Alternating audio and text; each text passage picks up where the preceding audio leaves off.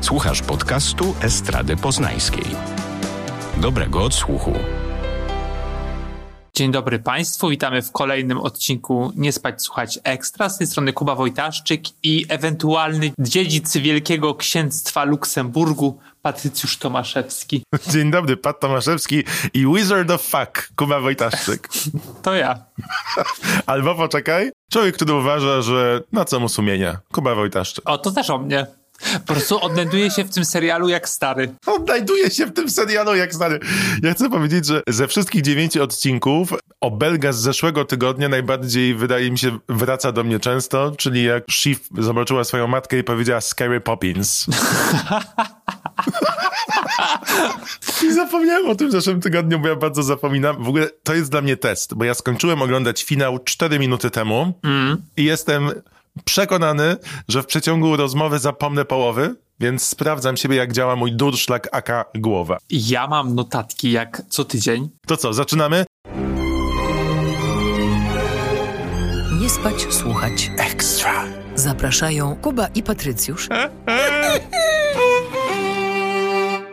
Rozmawiamy dzisiaj o ostatnim odcinku trzeciego sezonu Sukcesji. Czy wszystkie wątki zostały rozwiązane? Czy nasze emocje wibrowały w powietrzu? Czy poczuliśmy toskańskie słońce i smak zdrady? O tym dzisiaj. A propos jeszcze obelg, moją ulubioną obelgą jest z tego odcinka jest Hans Christian Anderfak. tak! Bardzo mnie to rozbawiło. Zazwyczaj jak się pojawiają te obelgi w, e, w, serialu, no to one są takie trochę wzięte od, z czapy. Tutaj jest faktycznie nawiązanie, nawiązanie do sceny poprzedniej i to było bardzo fajne, że cały czas byliśmy w głowie Logana. Chciałbym wrócić do tamtego tygodnia. Wracamy do poprzedniego tygodnia. Będziesz młodszy o tydzień. Aha. Ostatni odcinek skończył się tym, że Ken być może nie żyje. Przez te 7 dni, czy tam 6, żyliśmy w takim, takim zawieszeniu, które kojarzy mi się z dawnymi latami w telewizji, że mieliśmy te odcinki co tydzień. Faktycznie spekulowaliśmy, co będzie, co się wydarzy. I ja faktycznie żyłem przez te 6 dni tą sukcesją. Pojawił się e, wspomniany przez nas ten mm, w New York y, Timesie profil Jeremiego Stronga. Jeremiego Stronga i przez ten tydzień pojawiały się tweety różnych aktorek i aktorów i e, reżyserów, którzy bronili. To było bardzo zabawne. Jakby cały czas było takie nakręcanie tej akcji wokół sukcesji, tych wszystkich niedopowiedzeń, czy on umrze, czy nie umrze i, i, tak dalej. Bardzo mi to odpowiadało. To była taka prestiżowa telewizja sprzed lat. Tak, i taki typowy cliffhanger, tak, nie? Tak. który cię trzyma na krawędzi fotela na zasadzie wow, ile scenariuszy się otwiera, będzie czy nie będzie. Specjalnie teraz ta nagonka medialna na aktora, żeby zwiększyć jego szanse na Emmy, czy to był jego ostatni występ, czy właśnie celowo, to jest tak jak było ze śmiercią Johna Snowa przecież Dokładnie. z gry o. Tylko tam czekaliśmy półtora wow. roku chyba. Tak, ten trochę dłużej. Ale faktycznie w poprzednim odcinku powiedziałem, naszym odcinku powiedziałem, że chciałbym, żeby Ken umarł. I byłem o tym przekonany, że tak będzie, że to jest idealny moment na zamknięcie postaci. I po prostu próbował przez te dwa sezony pokonać ojca, zdobyć po prostu, wiesz, berło. Nie udało mi się. No i to już czas. Ale im więcej o tym myślałem, im więcej było takiego gadania wokół tego odcinka przez te sześć dni, tym bardziej się przekonałem, że on nie umrze, mhm. że zdarzy się coś innego, będziemy mieli przynajmniej jeden sezon z tym bohaterem. No i faktycznie, jak włączyłem dzisiaj ten dziewiąty, finalny odcinek trzeciego sezonu i już w pierwszych słowach właściwie Logana dowiadujemy się, że z Kenem będzie w porządku, w sensie, że przeżył, nie wiem czy jak z głową w porządku, ale generalnie fizycznie w porządku, no to nie poczułem... Nie byłeś rozczarowany. Tak, to, to właśnie to słowo, którego potrzebowałem. Trudne, być może nie, ale... A wiesz, a dla mnie trudniejsze, bo z Ed na początku. A, no właśnie. I jeszcze przez trochę tego odcinka myślałem o tym, czy to dobrze, czy niedobrze. W sensie jakby cały czas spekulowałem, aż do momentu wspaniałej, wspaniałej sceny, do której pewnie zaraz dojdziemy. Y, jakie miałeś swoje, wiesz, e, reakcje na, na ten odcinek, na początek tego odcinka? Moja reakcja jest świeża, bo jest przed minut czterech. Uwielbiam takie zestawienie, które robi też The Good Fight, wykorzystując muzykę klasyczną do budowania napięcia. Przez cały ten odcinek, który de facto i znowu rozwija się bardzo powoli.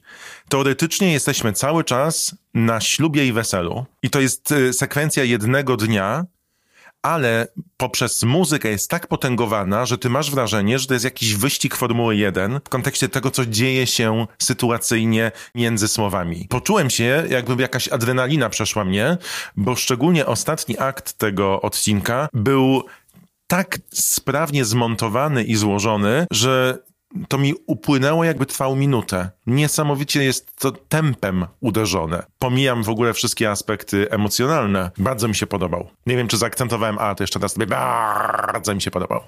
Ale nie odpowiedziałeś na moje pytanie. Albo może już zapomniałem o tym pytaniu. No być może. Chodzi, Pamięć złotej rybki? Chodziło mi... Tak to ja. Umówmy się, odcinek jest super. Czy czułeś się zawiedzony, że ten Ken przeżył? Nie, a wiesz co, powiem ci dlaczego. Chociaż to jest trochę taki cheating, ale montowałem zwiastun naszego odcinka Nie Spać Słuchać i sięgnąłem ponownie do zwiastuna trzeciego sezonu. Mhm. I odkryłem w nim sceny, których jeszcze nie widzieliśmy w tym głównym zwiastunie. I mówię sobie, aha, okej, okay, Ken żyje. No tak, ale mogły być wcięte. No mogły, ale o tym nie pomyślałem. Żyłem z przekonaniem, że on żyje. Poza tym tak sobie rozważałem też, bo mówiliśmy, ile ze scenopisarskiego punktu widzenia daje zabicie bohatera, a ile daje próba taka i, i co się dzieje. I biorąc pod uwagę kaliber aktorski Jeremiego Stronga, to też myślę, że sobie by jeszcze nie dali tego. Że tam jest jeszcze trochę do zagrania i trochę do dopowiedzenia. Szczególnie, że mamy ten moment, bo ten trzeci sezon to jest taki hitting rock bottom, czyli to jest to uderzenie dna Candela, gdzie nie może już niżej spaść, Teraz jest tylko opcja budowania siebie na nowo. I wydaje mi się, że to będzie bardzo ciekawe w czwartym sezonie. I nie byłem zawiedzony, chociaż oczyma mojej rozbuchanej wyobraźni już widziałem możliwości, które daje ten zabieg. A mam bardzo rozbuchaną wyobraźnię, tak. o czym już wszyscy wiecie. I faktycznie takie zresetowanie byłoby ciekawe. Fuck off!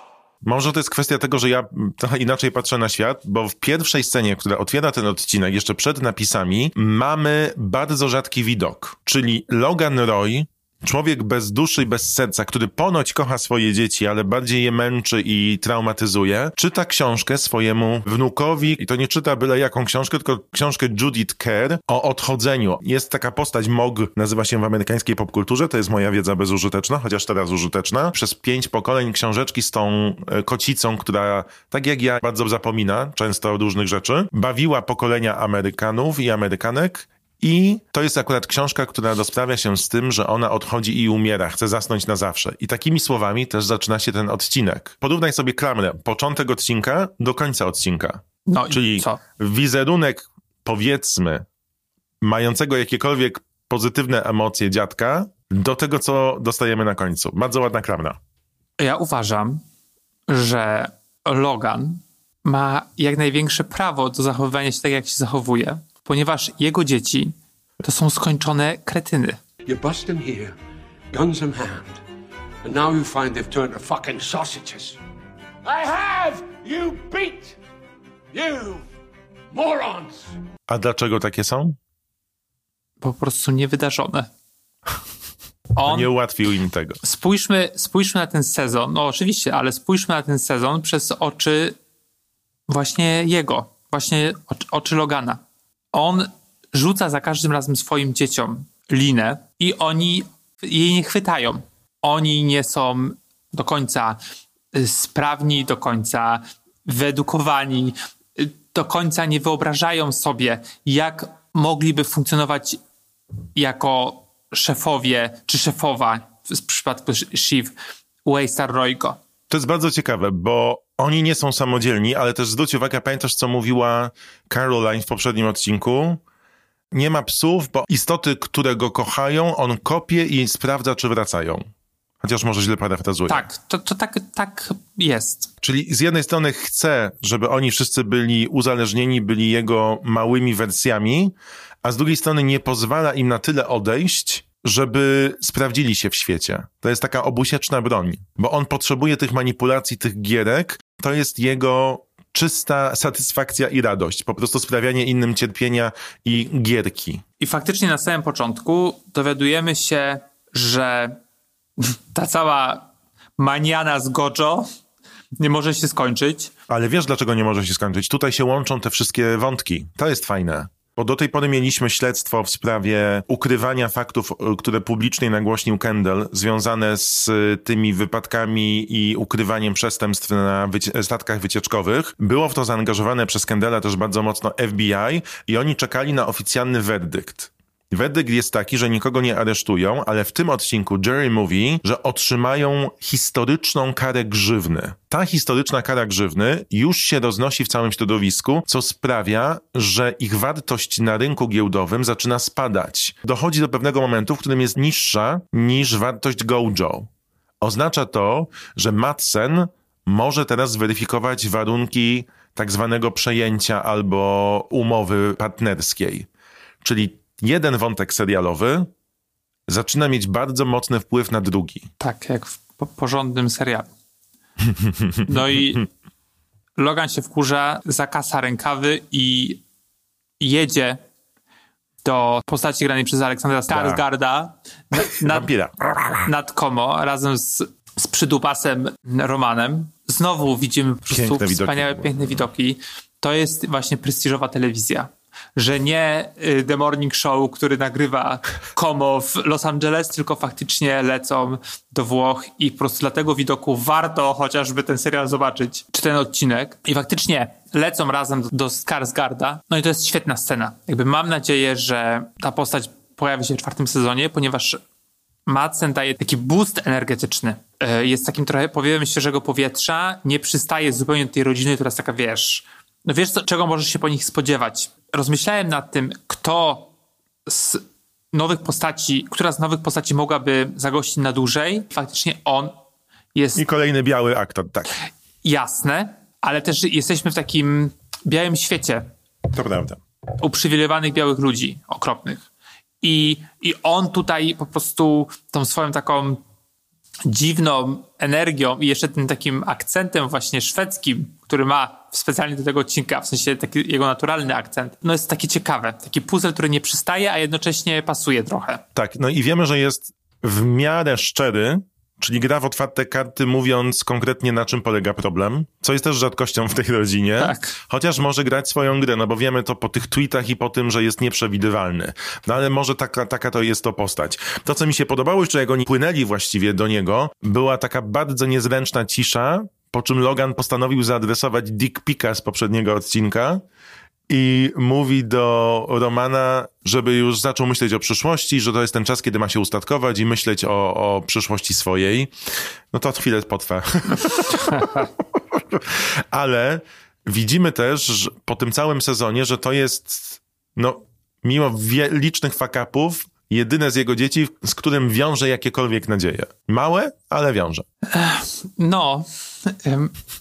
Taki I, promil nadziei. To znaczy on wiąże, ale tak. wydaje mi się, że ten odcinek pokazuje, że Roman faktycznie dorósł. To, w jaką on stronę poszedł w tym odcinku, czyli zgodził się z rodzeństwem po raz pierwszy. Widzimy, ile to go kosztuje, żeby się tak. sprzeciwstawić ojcu, ale jednocześnie, wiesz, idzie w stronę Shivon i, i Kena, którzy się łączą przeciwko ojcu, do czego dojdziemy zaraz. On jest jedynym z rodzeństwa, dla którego miłość rodzicielska, czy taka wiesz, synowska, czy generalnie rodzicielska jest super ważna i on po prostu kocha matkę i ojca, mimo tego, jak został wychowany, jak oni go traktują przez całe jego życie i wyraża tę miłość w bardzo nieoczywisty... To jest, bym powiedział, też syndrom najmłodszego, wydaje mi się, tak. Wiesz?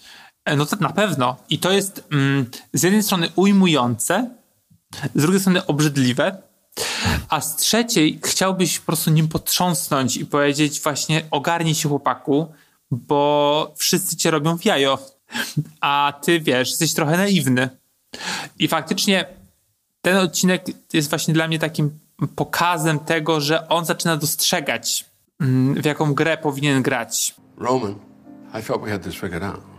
Yeah, it just might be better, you know, if we all here. This is an opportunity, son. You can trust me. You can't trust him. Tak. I, e, I to były ciekawe sceny. Takie z nim właśnie, że trochę właśnie chcesz mu walnąć w twarz, go potrząsnąć nim, ale z drugiej strony jakby mu kibicujesz jednocześnie. Pamiętajmy, wszystkie dzieci są straumatyzowane. No na pewno. To jest y, bardzo toksyczny ojciec, który I ma matka. z nimi, i matka, którzy mają z nimi bardzo dziwne relacje. Podejrzewam, że tam naprawdę nie było jakiejś porządnej terapii, bo co widzimy w każdym zachowaniu i w nieumiejętności radzenia sobie z sytuacjami. Natomiast jesteśmy w tym domu, przepięknym domu e, Madsena i tam padają takie bomby prawdy, jak to się mówi po angielsku, truth bombs. Ponieważ Madsen mówi prosto o, w oczy Loganowi, Logan też tam od razu przechodzi do rzeczy i mówi, jest ten deal, czy nie ma tego dealu. I dostaje informację, że my jesteśmy statkiem kosmicznym, czy rakietą, a wy jesteście balonem z ołowiu. Tak. I toniecie. O, mówi prosto w oczy Loganowi Royowi, potentatowi medialnemu, że jest dinozaurem. Nie wiem, czy to jest moment samorealizacji Logana, ale on chyba podejrzewał, że przyszłość wygląda trochę inaczej niż to, co on teraz ma i kreuje. I dostaje propozycję, tak jak Ken dostał propozycję kilka odcinków temu, wykupienia swoich udziałów, rozwoju tej firmy, ale na zupełnie innych warunkach. Czyli on odchodzi jako prezes, zachowuje twarz i udziały, ale to teraz nie Waystar wykupuje Madsena, tylko Madsen wykupuje Waystar, ponieważ ze względów rynkowych ma większą wartość i jest to bardziej logiczne. Pytanie, czy on podejmie tę decyzję, czy nie. Ojciec każe Romanowi fuck off, żeby wracał, Tak. żeby wracał na ślub, a on, Już go ustawia w szeregu, po pierwsze. no i nie wiemy. Znaczy w sensie spodziewamy się, no bo niczego dobrego po Loganie nie możemy się spodziewać. A powiedz, co myślałeś w tym momencie? Przewidziałem końcówkę. Co też przewidziała gra w Monopol na początku. Zwróćcie uwagę, jak będziecie robili rewatch tego odcinka, oglądali go na nowo, że tam wszyscy oszukują, podbierają pieniądze, zabierają pewne karty i robią to doskonale. I zresztą nawet Conor mówi, żeby wygrać trzeba oszukać. Tak. Czy Shiv mówi coś takiego. Do you think that stealing is what good people do? What? I was only stealing so I could win. I to jest też wspaniała taka opcja pokazująca, że najpierw zabawa, a potem każdy chce oszukać w życiu faktycznie. I to, że też Logan odsuwa Romana z tych rozmów, pokazuje, że to nie jest family business, to jest tylko biznes. Ach. Piękne, piękne po prostu zdanie. Zobacz, ile pamiętam! No, dużo, właśnie się dziwię. Tom e, dostaje kartę w Monopolu wyjście z więzienia. On mówi, o, drugi raz. No i faktycznie wtedy zrozumiałem i przypomniałem sobie moje spekulacje na początku tego sezonu, gdy mówiłem, że zobaczysz, że Tom zyska na tym najwięcej. Że Logan faktycznie mu, e, jak wtedy powiedział, że on pójdzie do niego do, za niego do więzienia, że Logan się odpłaci.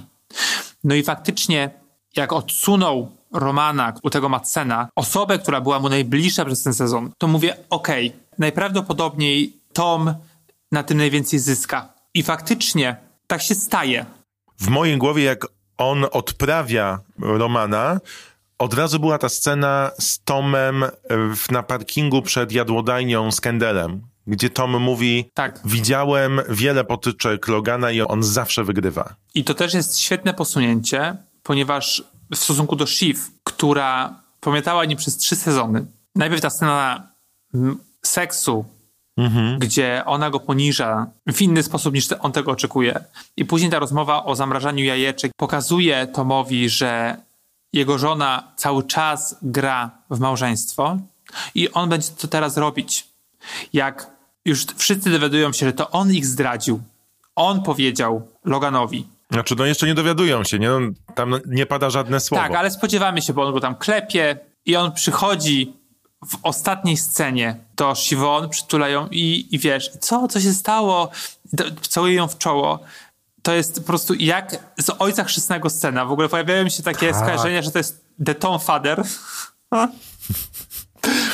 I, Ale ta mina na twarzy Sary Snook, bez ani jednego słowa, wspaniałość. Tak. I to jest fantastyczne, że on teraz będzie grać w małżeństwo. Dygresja? Następnym razem, jak twój mąż dostanie depty, bo będzie myślał, że idzie do więzienia, to okaż jakiekolwiek współczucie. Dokładnie, dokładnie. A ona się cieszyła z tego, że on idzie do więzienia, więc teraz on jej pokazał.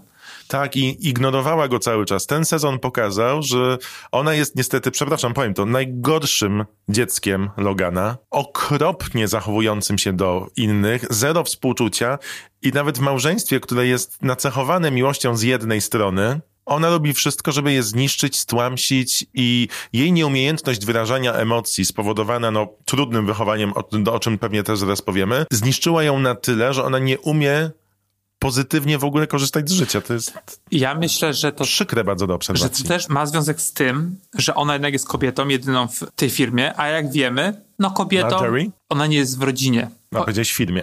nie powiedziałem w rodzinie, Cofamy taśmę. powiedziałem w rodzinie. W tej firmie. tej firmie. A jak wiemy, kobiety do czwartego piętra dochodziły w firmie. I, I być może przez to musiała mieć jeszcze grubszą skórę i bardziej skupić się na takich, na machinacjach, czy właśnie na podkopywaniu innych, żeby dotrzeć tam, gdzie mm, dociera. Co nie znaczy, że po prostu ona zawsze myśli, że jest najmądrzejsza w, w, w, w, przestrzeni, w towarzystwie, co nigdy nie jest prawdą. To prawda. Ale zobacz, co robi Tom. Tom zabiera z sobą osobę, któ- która go wspiera, czyli Grega.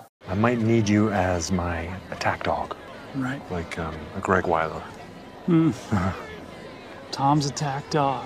David Eirish, to jest taki mm, krytyk z in, IndieWire, napisał tweeta, że kuzyn Greg jest branem tego serialu, że kiedyś on zasiądzie na żelaznym tronie. I coś w tym jest, że Greg pnie się e, po tych szczeblach trochę bezwładnie, trochę przy okazji. No i Greg też używa hasła, którym ja cię przywitałem, czyli że na co komu sumienie, na co komu dusza. Do you want a deal with the devil? What am I gonna do with a soul, anyways? Souls are boring. Boo, souls. of course. Dusze są nudne. No to prawda, ale też właśnie to on jest tym potencjalnym księciem, tak? Luksemburgu, czy, czy na, ten, na 12, na 12, Dwunastym odsuniętym, tak. ponieważ to on mm, zaczyna się chyba najprawdopodobniej spotykać z tą księżną, no bo Comfrey e, bardziej chce się przyjaźnić niż cokolwiek innego. Jest wspaniała scena z Gregiem, gdy rozpoczyna się ceremonia zaślubin i właśnie ta księżna mówi, że kocha śluby, on mówi tak, po czym Comfrey z drugiej strony ucha mówi nienawidzi ślubów, on ja też cierpię. Tak, i to też pokazuje jego, jego charakter, że po prostu jest jak chorągiewka na wietrze. Też są takie małe elementy, które właśnie pokazują Grega, ale to są konsekwentne dla jego postaci budowanej od początku, bo to mówiliśmy przy każdej możliwości, że Greg e, właśnie ma ten typ chorągiewki, czyli jeszcze nie ma własnego zdania, bo boi się, że zostanie odsunięty. No i zanim przejdziemy do sceny z rodzeństwem, myślę, że warto powiedzieć o tej interwencji, którą rodzeństwo postanowiło przedsięwziąć. I mówisz o tej scenie, gdzie się spotykają wszyscy w, w czwórkę, Tak, całe rodzeństwo spotyka się w knajpie i jakby wyjawiają miłość, powiedzmy, do e, Kena. Ten ma już po prostu taką deprę, że to jest koniec świata. Poddaje się zupełnie. Nie chce w ogóle brać e, udziału w tej całej właśnie grze. Czuje się przegrany. Dla mnie najzabawniejsze było to, że była to interwencja, bo oni potraktowali ten, załóżmy, wypadek łamany na próbę samobójczą Kena jako takie wezwanie o pomoc. Postanowili zebrać się razem, mimo swoich wszystkich różnic, i powiedzieć mu, że go kochają. Nic innego mu nie powiedzieli. Po czym on zaczął, no i rzeczywiście patrząc z jego punktu widzenia, tam wszyscy są zniszczeni. Everyone is broken. I osoby, które on uważa też za zniszczone przez życie przez ojca, za nieudaczników, co wyraził w plakatach urodzinowych, robią mu interwencję. No i tam nawet pada takie zdanie, że wszyscy mamy problemy, ale twoje weszły na wierzchołek teraz. I właściwie jest to przyczyna też do tego, żeby on zaczął się przed nimi otwierać, czego konsekwencją jest ta scena, do której pewnie zaraz dojdziemy. Trochę filmowana jak Śmierć na Nilu Agaty Christie. I wydaje mi się, że jest to o tyle istotne, że mimo, że bohaterem interwencji jest Ken, to ta scena najbardziej oddziaływuje na Conora. Ponieważ kiedy on słyszy, że Ken wypowiada słowa, że jest najstarszy, czyli że oni nie traktują go jako część rodzeństwa, on jest dalszy. On na tej interwencji, gdzie Ken wrócił ze szpitala, jest podłamany deprę, wybucha. I am the eldest son. I love all three of you pricks, but what do I get from you chumps but chump change? Fucking chump change. I wybucha tak, że doznaje pewnego oświecenia, pewnej samorealizacji. Mówi, że oni wszyscy są samolubni, wyzywa nawet Shiv, żeby nie, nie pogratulowała zadania pytania zaręczynowego, no bo to jeszcze nie przyjętego. I potem czekając na samochód, kolejny, bo nie jest priorytetowym gościem na ślubie, to, co też jest bardzo wesołe, mówi Willy, że on wie, że ona go rzuci, że on się nie liczy w tej rodzinie, że nie zostanie prezydentem, y, nie zostanie nawet kandydatem. i ma taką stróżkę światła świadomości. SSS. I bardzo, bardzo mi się podoba. W ogóle generalnie postać Willy jest jedną z moich ulubionych, pomimo, że pojawia się rzadko, ale ona po prostu no, mówi YOLO. Tak, ale nie mówi tego jolo jolo, tylko co ona tam używa? Ona mówi najpierw fuck it, fuck it, a potem fuck it forever. ale później mówi już gorzej być nie może. Tak. I to jest przyjęcie zaręczyn, po czym uśmiecha się dookoła i zwróćcie uwagę, jak będziecie rewatchowali, na moment, w którym ona wsiada do samochodu i cały uśmiech znika z jej twarzy. To sobie zapisałem. Mila Willy, jak wsiada do samochodu, mówiąc fuck it forever. Ale jest to pewna samorealizacja Konora, której do tej pory nie miał, albo po prostu nie powiedział jej nigdy na głos. No i potem dochodzimy do tego właściwego trzonu rodzeństwa, już bez Konora, czyli możemy przejść, myślę, że do tej sceny. Ale poczekaj, bo dlatego do niej dochodzi, jakby nie dlatego, że Że interwencja zadziałała. nie? że, interwencja zadziałała, czy Siwon i Roman chcą mm, porozmawiać y, z y, y, Kendelem jeszcze głębiej, jakby na osobności. Nie, nie, nie. Oni zapominają o nim potem inter- Tak, interwencji. ale wtedy, Tak. wtedy okazuje się, oni się budzą poni- poniekąd na, na ślubie, że, że coś dzieje się dookoła, a oni za bardzo nie wiedzą co, ponieważ nie są w, włączeni do rozmów. Oczywiście ma to związek z, z Madsenem i z ojcem. Tak, i dowiadują się, że i Karl, i Frank przylecieli. Dowiadują się, że doradcy finansowi pojawiają się w miasteczku i jest nagle taki buzz mówiąc o tym, że coś się dzieje na rynku. I to wszystko dzieje się w momencie, w którym trwa wesele w najlepsze, więc cały czas jako tło mamy dzieci jedzące słodycze, ludzi się bawiących, ktoś jest tańczący, a jeszcze mała dygresja związana z tym, jak fantastycznie e, zagrano scenę przemowy Shiv, w której oficjalnie mówi, że kilka sekund temu moja matka poprosiła mnie, żebym powiedziała kilka słów na ślubie. A ja mówię, bitch. I wtedy Roman, jak już jest ten baz dookoła, że nie wiadomo co się dzieje, Roman mówi Shivo o sytuacji, Dopiero wtedy, tak.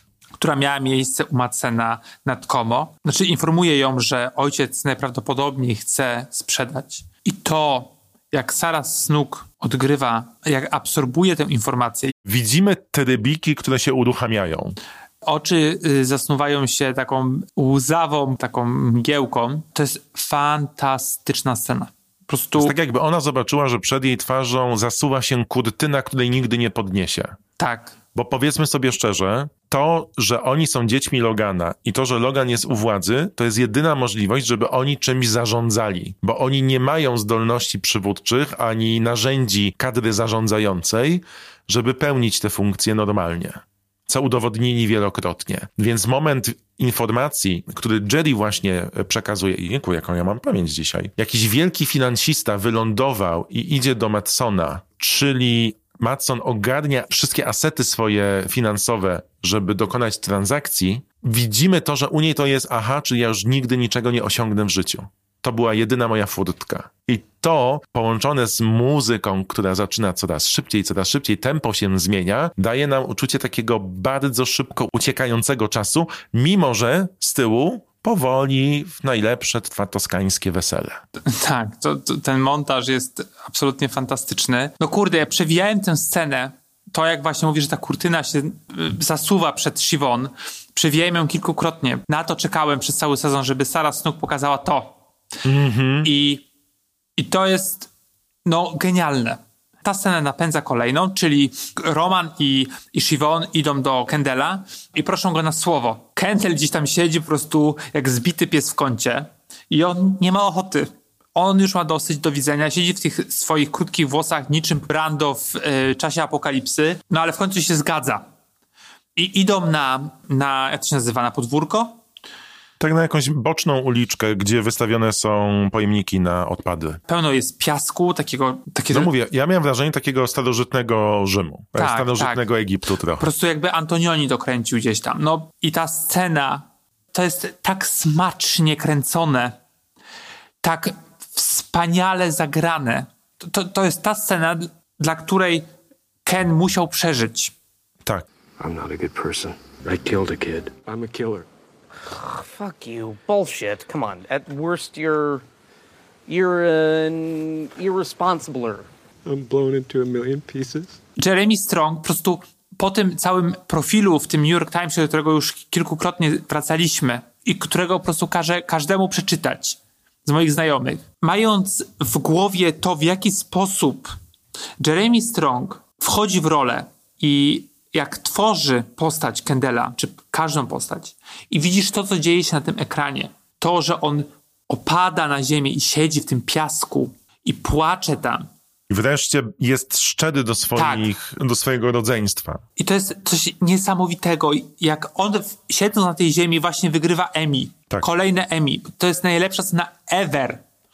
I mówi gdzieś tam między słowami, że, że zabił tego chłopaka na weselu Siwon. I wtedy to całe trio aktorskie po prostu wzbija się na wyżyny i łączy się to wszystko. I ta komedia z dramatem po prostu w tej scenie najbardziej się łączą.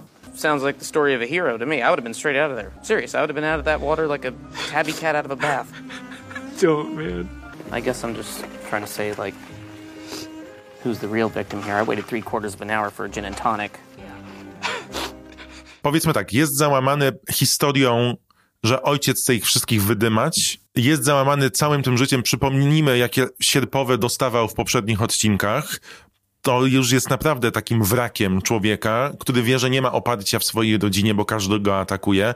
Matka go nie chce na ślubie, ojciec w ogóle nie chce mieć z nim jakiegokolwiek kontaktu, nawet nie chce mu dać możliwości wyjścia z firmy, bo woli patrzeć, jak ten cierpi. I jeszcze jak idą sobie porozmawiać gdzieś bez ludzi, bez świadków w temacie tego, że ich ojciec chce ich wykiwać, to jeszcze patrzy na takiego gościa, który bardzo wygląda podobnie do tego kelnera ze ślubu Shiv i nie wytrzymuje i siada na tej ziemi. I teraz zwróć jeszcze uwagę na emocjonalne reakcje rodzeństwa. Nikt go nie przytula. Oni nie są do tego zdolni. No ale Siwon go dotyka. Dotyka. No to i tak jest Dotyka. duże. To, i- to i tak jest dużo. Roman, który nie umie sobie poradzić z emocjami i z prawdą, którą dostaje, idzie w jedyny mechanizm, który zna, czyli czarny humor. i to jest naj, najlepsze, i mówi, że to dlatego było beznadziejna obsługa na weselu Siwon, ponieważ zabiłeś kelnera. I później mówi, że na pewno każdy z nas zabił kogoś. Ja, ja zabiłem kelnera w swoim życiu. Who hasn't clipped the odd kid with a Porsche, am I right? Yeah. I mean, it's like a rite of passage.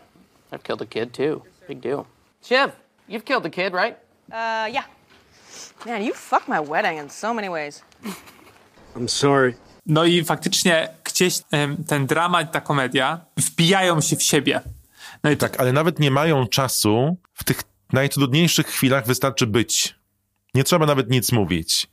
I jest taka scena, gdzie Roman siada przy Kenie, Shiv dotyka głowy Kena, to jest na, na tyle może sobie pozwolić, i dostają to potwierdzenie telefoniczne, że Gojo kupuje Waystar. Logan chce wziąć pieniądze i, i zostawia ich na lodzie. No i wsiadają w samochód, no bo orientują się, i tutaj mam taki, dla mnie to jest taki trochę minus, ponieważ nagle okazuje się, że Caroline rozwodząc się z Loganem zawarła w, w tej umowie rozwodowej, jak to się nazywa? W ugodzie rozwodowej. ugodzie rozwodowej, że mm, wszystkie takie ważne decyzje jak sprzedaż musi być podjęta przy, przy wszystkich udziałowcach, łącznie z dziećmi, że nie, mo- że nie może sprzedać um, Macenowi firmy Logan bez zgody trójki rodzeństwa. I to jest, jest, jest ich jedyna szansa, aby przerwać te negocjacje. I wtedy też Siwon dzwoni do Toma. We're gonna force him out. Where do I fit in, Chef? Well, high up, Tom. I don't know. I wtedy Tom dowiaduje się o całej tej sytuacji. No i mówią o tym, że wykonują zamach stanu. Pucz. No i jadą. Ładne słowo. Tak, pucz. No i jadą. You think Daddy's protecting you? Hmm? No, we let Matson take control. That is Dad slamming the door. It means that he doesn't ever think that we will, can, or should take over. So, how do we feel about killing Dad? Mixed feelings? Pass me the fucking shotgun. No i oczywiście, jak przyjeżdżają, to okazuje się, że już jest po ptakach. I nic nie mogą zrobić, ponieważ matka z ojcem abusing swoje dzieci i tyle. Powiem ci, że wiedziałem, że coś się święci od momentu, w którym te dzieciaki zaczęły pytać o intercyzę swojej matki. No. Zaczęło mi też świecić coś, jak się okazało, że Peter, czyli ten nowy małżonek Caroline, potrzebuje czegoś od Logana. Tak, tego... Logan nie daje niczego za darmo. Tak, on chciał być po prostu lordem. Są pewne rzeczy pozostawiane nam w trakcie, które teraz nabierają sensu. No nie wiem, czy to jest celowe odłączenie swoje dzieci, czy faktycznie sprzedaż, która może przenieść tę firmę do przodu. Wydaje mi się, że bardziej to jest dla niego, bo on ma pieniądze, gierka z dziećmi. Pokazuje tym dzieciakom, że nikt się o nich nie troszczy. Biznes jest biznesem, rodzina jest zawsze z tyłu i że nawet dogaduje się z matką, która matka mówi przez telefon, kocham was, no ale sorry. Caroline, you're on. Oh, fuck, Mom, he got to you. Oh, seriously, Mom, already? What the fuck did you... I can't get into it, all right? I, I think everything will be fine. Mom, you just slit our throats. No tak, Straszne to było, to było takie nóż z przodu, nóż z tyłu. ale kurde. Właśnie też o tym myślałem, że cały czas kibicujemy rodzeństwu. Nieważne, czy oni są dobrzy, czy źli, jakby mamy takie przeświadczenie z tyłu głowy, że chcemy, żeby ten Logan po prostu odszedł. To jest po prostu czysty ageism. I tyle. Nie chcemy starego dziada białego na, na stanowisku, ale chcemy młodych dupków. Czy chcemy? Kuba. No, a, no, to, no ja, ja bym chciał, żeby taka, ta, taka stacja telewizyjna, tudzież konglomerat mediowy Western Royko w ogóle nie istniał.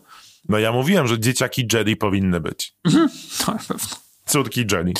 Więc wiesz, no mówimy sobie, no okej, no to może Roman szefem, no to będzie może trochę inaczej, ale nie zapominajmy, że Roman pomógł wybrać nazistę na przyszłego prezydenta.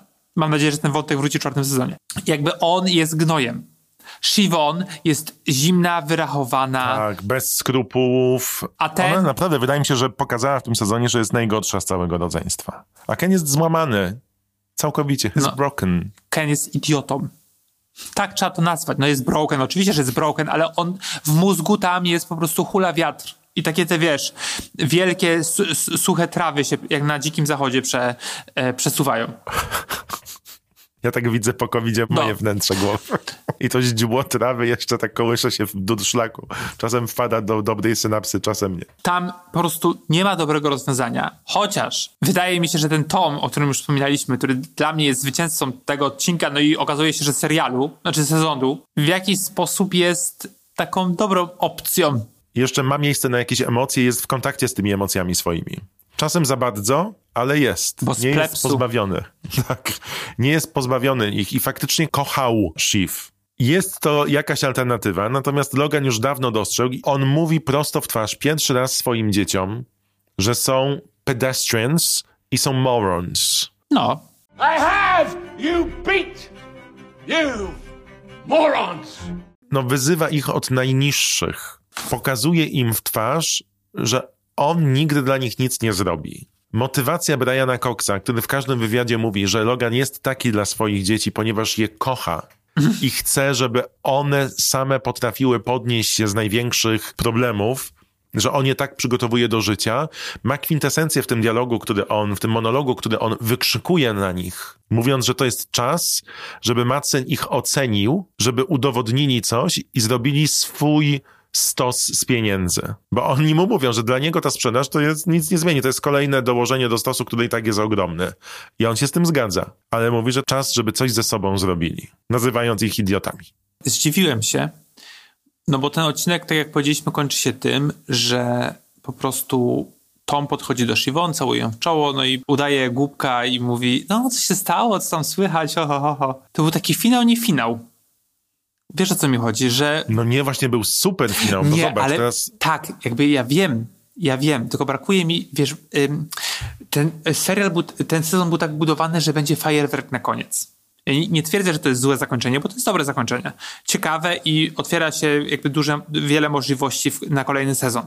Tylko brakowało, y, spodziewałem się tego fajerwerku i go nie otrzymałem. Mam wrażenie, że jakby za tydzień miał być kolejny odcinek. A ja tak nie mam, bo zobacz, wątek firmy się rozwiązał, nie ma już firmy jaka była. Czyli to mamy zupełnie nowe pole, czym to się może stać, kto może zostać, kto nie.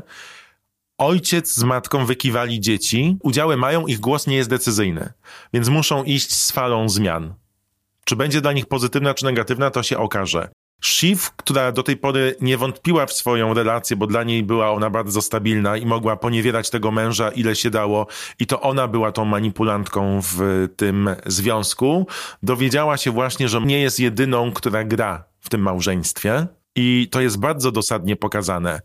Kendall sprawdził, że chce być częścią, a do tej pory nie był pewien. Chce dokonać zmian. Odniósł ogromną porażkę, przyznał się do niej i chce to zrobić. Grek wspina się na dno góry, ale się wspina. You wanna be on the bottom of the top. Tak to było dokładnie powiedziane. I zaczyna romansować z księżną. Jerry odcięła się od Romana, budując dystans relacyjny. Zresztą też całkiem słusznie, bo Roman chciał ją wykiwać po tym dick picu całym. Mm. I powiedziała, what's my interest? Jak, jakie, co jest tutaj dla mnie w, tym- w tym, że miałabym tak. was bronić? I to też pokazało, że już mamy inną Jerry. I moim zdaniem zwycięzcą odcinka jest Logan. To, co przewidział Tom trzy odcinki temu. On zawsze wygrywa. I Logan krzyczy, I always fucking win. Mhm. I won. Zdobiłem wszystko, łącznie z tym, że pozbawiłem was dziedzictwa, ale ja wygrałem. Więc jest to bardzo finałowe. W moim odczuciu przynajmniej. Tylko, że sukcesja pokazuje nam od jakiegoś czasu, że najważniejsze to nie są spektakularne wydarzenia, tylko najważniejsze są relacje w tej rodzinie, które za każdym razem mają rzucane głazy i most spod nóg jest wyjmowany. Tym razem ten most był wyjęty spod nóg Shiv, której zawaliła się firma i rodzina z dwóch stron i Kendallowi, gdzie załamało mu się wszystko i teraz tylko może iść w górę i odbudować się. Roman też myślał, że jest ulubionym dzieckiem e, Logana. Myślę, że to było bardzo kluczowe, co on mówił po tej imprezie urodzinowej u Kena, Mhm. że jestem twoim ulubionym, masz tylko mnie i bezpośrednio w twarz otrzymał od ojca informację, że nie. No, ja dalej będę się upierać przy tym, że jednak Tom jest tym zwycięzcą, że chodzi o takie długofalowe konsekwencje tego wszystkiego. Bo Logan prędzej czy później A umrze, B może pójdzie na emeryturę i może nawet sobie, nie wiem, Scary, bo jest taki tam, podejrzewają, że po prostu y, y, będzie się starać o, kolej, o kolejne dziecko, może w końcu udane. A, To jest wspaniałe. Ile on ma lat? 76? Oj, zaraz sprawdzimy. Logan Roy is 83. 83 lata ma Aha. sukcesji. No, to cześć. Więc spodziewa się... Spo... No tak, przecież tam były 80 urodziny A, no wtedy, tak, nie? właśnie, No, no tak. prawda. Co ten śpiewał. No i, L to the i oczywiście zwycięża jakby, w sensie o, stawia na swoim, ale zobacz, to nie jest takie idealne rozwiązanie, no bo jednak sprzedaje, sprzedaje tę, tę swoją firmę. Nie wiadomo, co będzie dalej. On już nie jest teraz CEO. Teraz ktoś inny wchodzi w jego buty, a Tom, on się po prostu wspina. Podoba mi się też to, jak e, Matthew McFadden gra. No dobrze, Pat. No niedobrze, no bo to znaczy, że przed nami minimum rok czekania na rozwiązanie tych wątków, ale dla wszystkich jest to okazja, żeby na nowo, tak jak Kuba, zobaczyć trzy sezony sukcesji i syndrom sztokholmski dzieci Logana Roya. Co z nimi będzie? Pospekulujmy tak na szybko. Co byś chciał zobaczyć w, w kolejnym sezonie? Bardzo chciałbym zobaczyć, jak ta firma ulega transformacji. Bardzo chciałbym zobaczyć, żeby Madsen pozostał i był tym decyzyjnym, a Logan, żeby knułby odzyskać władzę w filmie przez cały sezon. No i ja bym chciał na pewno, żeby, żeby Madsen był w głównym kaście i bardzo chciałbym, żeby Jared Harris, czyli, czyli ten prezydent nazista, Justin Kirk był w, w czwartym sezonie, żeby jego wątek był w jakiś sposób ważny mm, dla, dla fabuły. No i to też ciekawe, że jakby mniej mnie interesuje to, co się stanie z rodzeństwem, niż to, co się stanie z tymi postaciami drugoplanowymi. Zobacz też przewrotność zabawy z tytułem. Serial, który nazywa się Sukcesja i opowiada błędnie o dziedziczeniu. Mm. W ostatnim odcinku trzeciego sezonu wyklucza z rozmów wszystkie dzieciaki. Tak, to prawda. Wydaje mi się, że też najszczęśliwszy jednak mimo wszystko jest, y, teraz tak mi się przyszło na myśl, że Conor, jemu mało do szczęścia potrzeba. tak, i on, i on już nie myśli o tym, że nie ma żadnego zdania, że jego zdanie się nie liczy, w rodzinie, w firmie, nigdzie. Ale on też nie myśli szeroko, on myśli bardzo wąsko. To prawda, to prawda. A może to jest potrzebne do szczęścia właśnie. Taki był trzeci sezon sukcesji. Fabularnie niewiele się działo, emocjonalnie bardzo dużo. Dziękujemy, że byliście z nami i miejmy nadzieję, że ponownie spotkamy się bardzo szybko, że uda im się nakręcić to zdecydowanie szybciej niż teraz, bo mieliśmy dwa lata przerwy między sezonem drugim a trzecim. Ja bardzo chciałbym też, żeby sezon czwarty był pełen osobnych odcinków takich wydarzeń, jak drugi, bo to mnie trzymało i to dawało też super okazję do pewnych przeskoków czasowych, ale też budowania zupełnie innych relacji. Jakoś mnie to bardziej łapało. A tymczasem możecie się z nami spotykać jak zawsze co niedzielę. Dziękujemy, że byliście przez 9 tygodni z nami. No i fajnie. Scary Poppins, Kuba Wojtaszczyk. I Wizard of Fuck, Pat Tomaszewski. Ty chciał już Wizard of Fuck, ty jesteś tym. Han, Hans Christian Fuck... e- Fuck it all. Nie, to był tamten, to ten. Hans Christian Underfuck. O, to ty jesteś. Dziękujemy. Do usłyszenia. Do usłyszenia. Dzięki wielkie. Producentem podcastu jest Estrada Poznańska. Więcej na estrada.poznan.pl